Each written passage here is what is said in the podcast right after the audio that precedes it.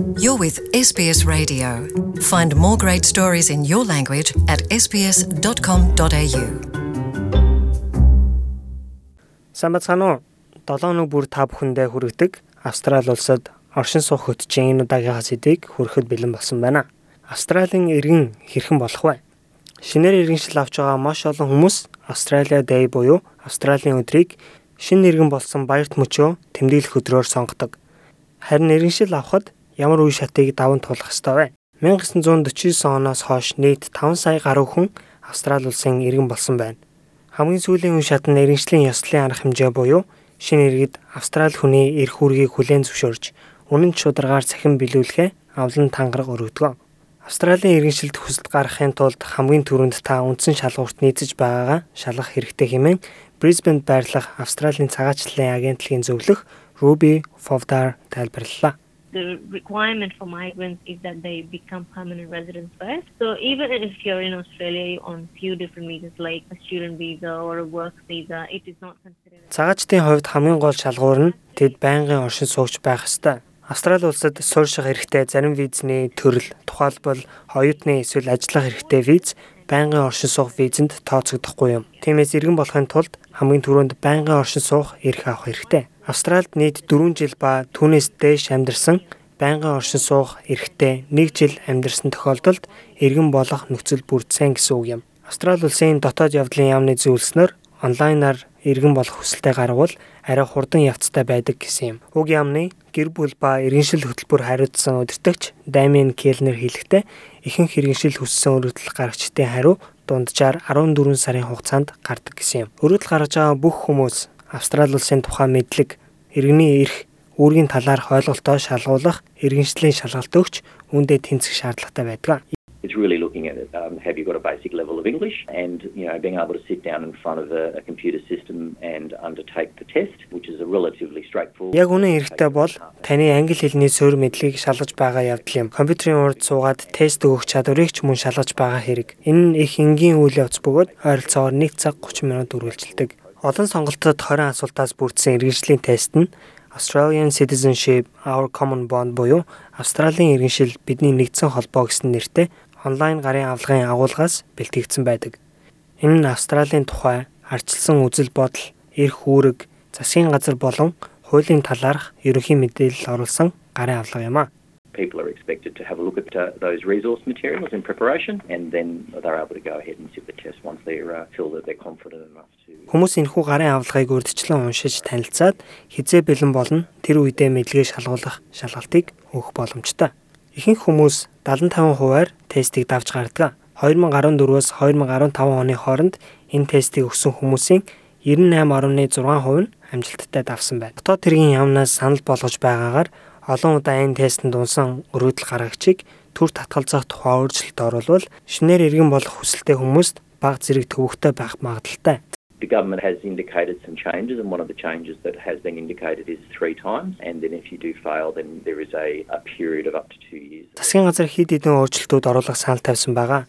Эдгээрийн нэг нь тестийг 3 удаа өгөх тухай юм. Хэрвээ онвол дахин тест өгөх хугацааг 2 жил хүртэлх хугацаанд сунгах хүсэлтэй байгаа юм. Гэхдээ санал батлагдаж байж энэ асуудал шийдэгдэнэ. Мөн засгийн газар өргөдөл гаргагчид англи хэлний унших, бичих, сонсох, ярих чадварууд дунд зэрэг буюу IELTS-ийн 5 оноотой тэнцэх төвшинг батлах тусдаа шалгалт өгөх тухай санал тавьж байгаа. 60-аас дээш настай хүмүүс, 16-аас доош настай хүүхдүүд, хараад сонсгол ярианы бэрхшээлтэй хүмүүс, мөн бие махбодын болон сэтгцийн өөрчлөлттэй хүмүүс энэ шалгалтыг өгөх шаардлагагүй юм байна. So somebody would sit that as they do now in terms of the migration outcome with if they're applying for a skilled visa or for a student visa where English language. Тэгэхээр энэхүү хуулийн санал батлагдвал ажлын болон оюутны виз авахд шаарддаг хэлний түвшин тогтоох шалгалт өгч өөрийнхөө чадварыг нотлох хэрэгтэй болох юм хэмээн Килнер хэллээ. Засгийн газарт бас нэг яригдж байгаа зүйл нь байнгын оршин суух шаардлагын хугацааг 1 жилээс 4 жил болгох талаар юм байна. Гэхдээ энэ одоогийн байдлаар батлагдаагүй 1 жил хэвэндэ байгаа юм байна. Иргэншил авах эрх олгогдсон тохиолдолд өргөдөл гаргагчид иргэншлийн ёслолд оролцож Австралийн иргэний тангараг өргөх хуулийн шаардлагатай байдаг. Taking the pledge is a part of being a commitment as the final step in officially becoming an Australian citizen. So for the vast majority of people they are required to undertake the pledge and show that show their Тангараг өргөх нь албан ёсоор Австралийн иргэн болж байгаа сүүлийн шат бөгөөд иргэний үүрэг хариуцлагын нэг хэсэг юм. Тиймээс ихэнх хүмүүс тангараг өргөх зайлшгүй шаардлагатай ба Энэ нь Австрали улсад үнэн шударга байна гэдгээ баталж Австралийн иргэний эрх үүрэг хариуцлагыг хүлээн зөвшөөрч байгаагийн илэрхийлэл юм а. Мөн тухайн хүнийг нийгэмдээ идэвхтэй гишүүн байхыг сануулж байгаа хэрэг юм. Австрали улс даяар жилд ойролцоогоор 100 мянган гаруй хүн иргэн болох ёслолд оролцдог. Үүнээс маш олон хүн 1-р сарын 26 буюу Австралийн өдрийг сонгон тангараг өргөдөг байна. Ихэнх ёслолыг тухайн хотын дүүргүүд зохион байгуулдаг ба энэ нэгээс 2 цагийн хооронд үргэлжилдэг. Өргөдөл зөвшөөрөгдсөнөөс хойш 3-аас 6 сарын дараа иргэншлийн ёслолд оролцох хурлаа ирдэг. Uh, mayor or Lord Mayor or the uh, Chief Executive Officer of the Council, who's the presiding officer, is required to read the preamble, which is specified within the Citizenship Act, which provides further information. Хотын дарга, захирагч, эсвэл орлогч дарга тухайн үед даргалж буй ажилтан нар иргэншлийн хуульд заасан ёслолын талаарх зааварчилгааг эхлээд уншиж өгдөг. Үүний дараа ёслолд оролцож байгаа шинэ иргэдийг манай үндэстэнд тавтаа морил эсвэл манай улсад тавтаа морил гэсэн арга хэмжээнд оруулж ерөнхий сайдын захиаг уншиж өгөөд төрийн дуулалыг дуулж дараа нь тангараа өргөдөг байна. Ruby Father-ийн хувьд иргэншил авахаас өмнө Queensland-ийн төв хэсэгт суралцаж ажиллаж байсан байна. I actually had my citizenship ceremony on Australia Day. I wanted to do it on Australia Day on Jan 26th. It was really proud moment. Би иргэншлийн албан ёсоор 1 сарын 26-нд Австралийн өдрөөр авахыг хүсэж энэ өдөр хүлээн авсан. Энэ бол миний хувьд маш бахархан үйл явдал байсан. Миний нэр дуудагдаж та одооноос эхлэн Австрали улсын иргэн болж бидний нэг боллоо гэж хэлээд сертификат олгож байсан. Удахгүй иргэн болох гэж байгаа хүмүүс байх юм бол ёслолд оролцохдоо хувийн тодорхойлох бичиг баримтаа авчрах хэрэгтэй.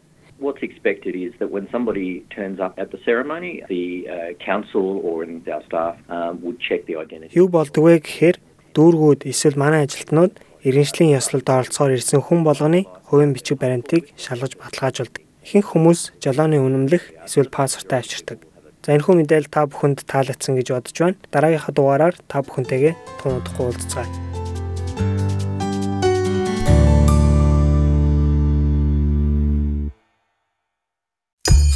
Tell us what you think. Like us on Facebook or follow us on Twitter.